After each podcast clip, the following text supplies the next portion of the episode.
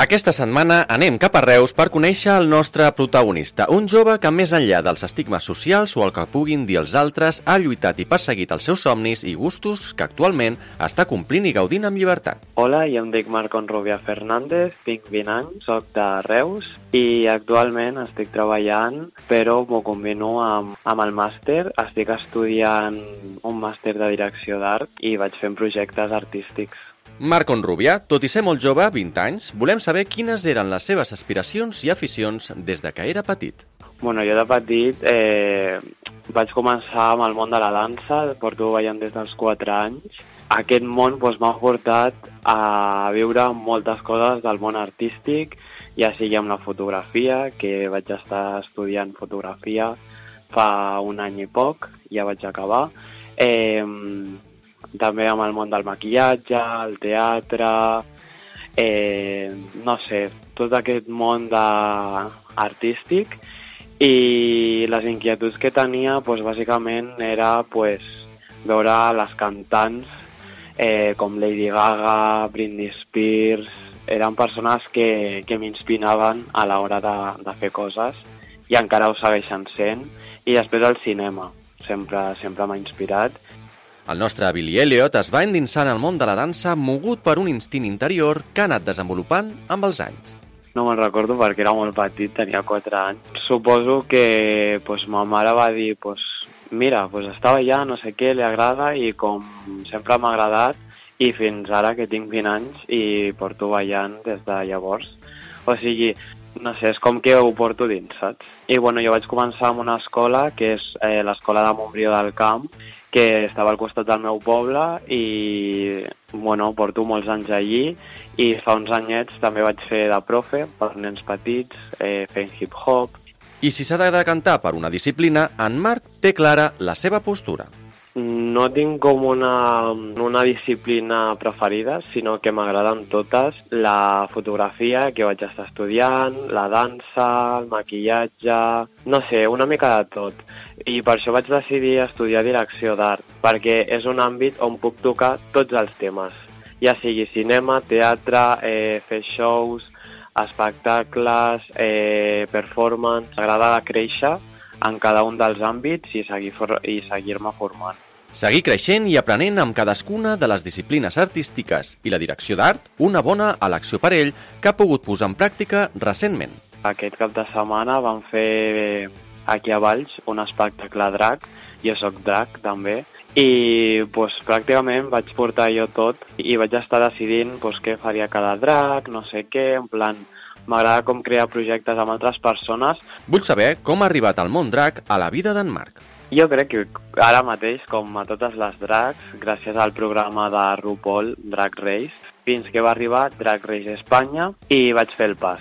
Eh, jo estava en un moment bastant complicat de la meva vida, i no, no volia que, que m'impedís res. I vaig eh, fer el pas i vaig dir, pues, aquí tinc el meu personatge drac, que és Frida la Ter, i ja porto amb ell ja més o menys dos anys i algo. I ara és quan he dit, m'ho prenc en sèrio i estic fent cosetes, vaig participar a la Gala Drac de Tarragona, vaig quedar segona, eh, superfeliç. Un pas de valentia va fer néixer Frida Later, l'alter ego del nostre protagonista. Com va ser el seu debut? La veritat, molt especial.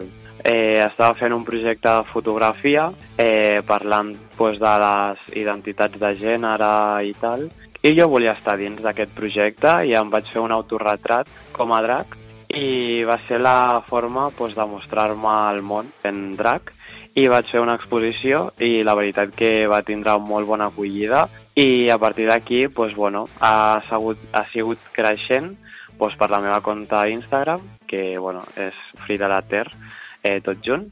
I aquí pues, bueno, vaig creant contingut, fotos, aquí pues, penjo pues, totes les coses que, que vaig fent. En Marc es mostra orgullós de les seves passes i creixement en un àmbit en què tots sabem que no és fàcil per culpa dels prejudicis i l'entorn social, com ha hagut de fer-hi front?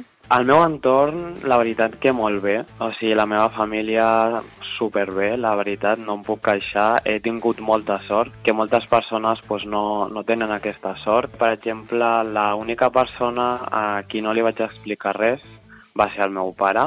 I bueno, es va enterar fa poquet i la veritat que pues, molt bé, no m'ho esperava i, i molt content de la seva reacció i, i no sé, estic feliç, la veritat, amb aquest tema. He tingut molta sort amb tots els aspectes. Jo vaig començar fent drac al meu poble, que és un poble pues, petit del Baix Camp, que és Botarell, i la veritat pues, que ser marica en un poble pues, és una mica complicat.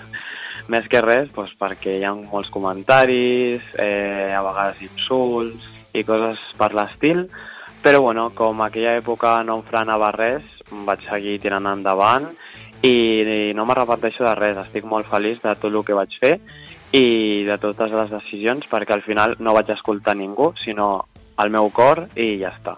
Tira endavant. Aquesta és la postura decidida del nostre protagonista que, com deia, va quedar en segona posició a la darrera edició de la gala Tarragona Drac. Així ho valora. No, no m'ho esperava. Hi havia molt de nivell. Era la meva primera vegada presentar-me amb un certament tan gran. Quan van cridar a la meva segona posició va ser com... Uau, potser sí que valc, o sigui, valgo per fer drac i, no sé, a partir d'aquell moment ha sigut com l'impuls de joder, vinga va, que tu pots, que, que pots arribar molt lluny i no sé, ara pues, estic amb moltes coses que me fan molt feliç i que la veritat m'ha canviat. M'ha canviat molt i m'ha donat l'impuls que necessitava. I és que en Marc reivindica més cultura drac al nostre territori. Estem impulsant també una mica el drac, que aquí per la comarca pues, costa, no, no, no, hi ha, no hi ha activitat drac i ara pues, ens hem ajuntat diversos dracs d'aquí de la comarca i estem intentant canviar això. I, per exemple, a, el que vam fer aquí a Valls aquest cap de setmana, pues, la veritat que ha sigut un pas molt gran. Jo animo a tota la gent que si veu algun acte de nosaltres a la comarca de Tarragona que vingui vegi drac en viu i que sobretot apoyem a les persones que estem fent aquí drac, perquè al, al final sempre hem de marxar fora, cap a Barcelona, cap a Madrid, i no volem això, també volem fer coses aquí. Com valora en Marc la situació actual i les contínues lluites i reivindicacions per les diverses llibertats? Així en reflexiona i aquests consells hi dona per qui pugui estar en una situació similar. Hem de seguir lluitant. Encara queda molt camí per fer i no ens hem de rendir. Encara segueixen havent abusos, encara segueixen eh, havent morts i no ens hem de frenar. No, no ens podem rendir mai. Fins que aconseguim pues, tindrà els nostre, la, les nostres lleis, eh, tindrà llibertat. I què li diria a una persona que, bueno, pues, que necessita ajuda o qualsevol cosa? Eh, que, no escolti, que no escolti a ningú, que segueixi sent com, com vulgui ser, que es mostri pues, amb total llibertat i qui, i qui vulgui estar, estarà. I qui no ho, ho accepti, pues, aquesta persona no pertany a la teva vida perquè no t'aporta res bo. I que si algú necessita ajuda amb algun tema, eh, perquè encara no ha sortit de l'armari o necessita ajuda amb el tema drac o el que sigui, pot contactar amb mi perquè sempre està bé tindre una persona amb qui puguis confiar i quines seran les properes passes d'en Marc i Frida Later? Vinga, va, ho diré aquí en primícia. Estic començant a moure un podcast com a drac, com a Frida Later, on parlaré de tot.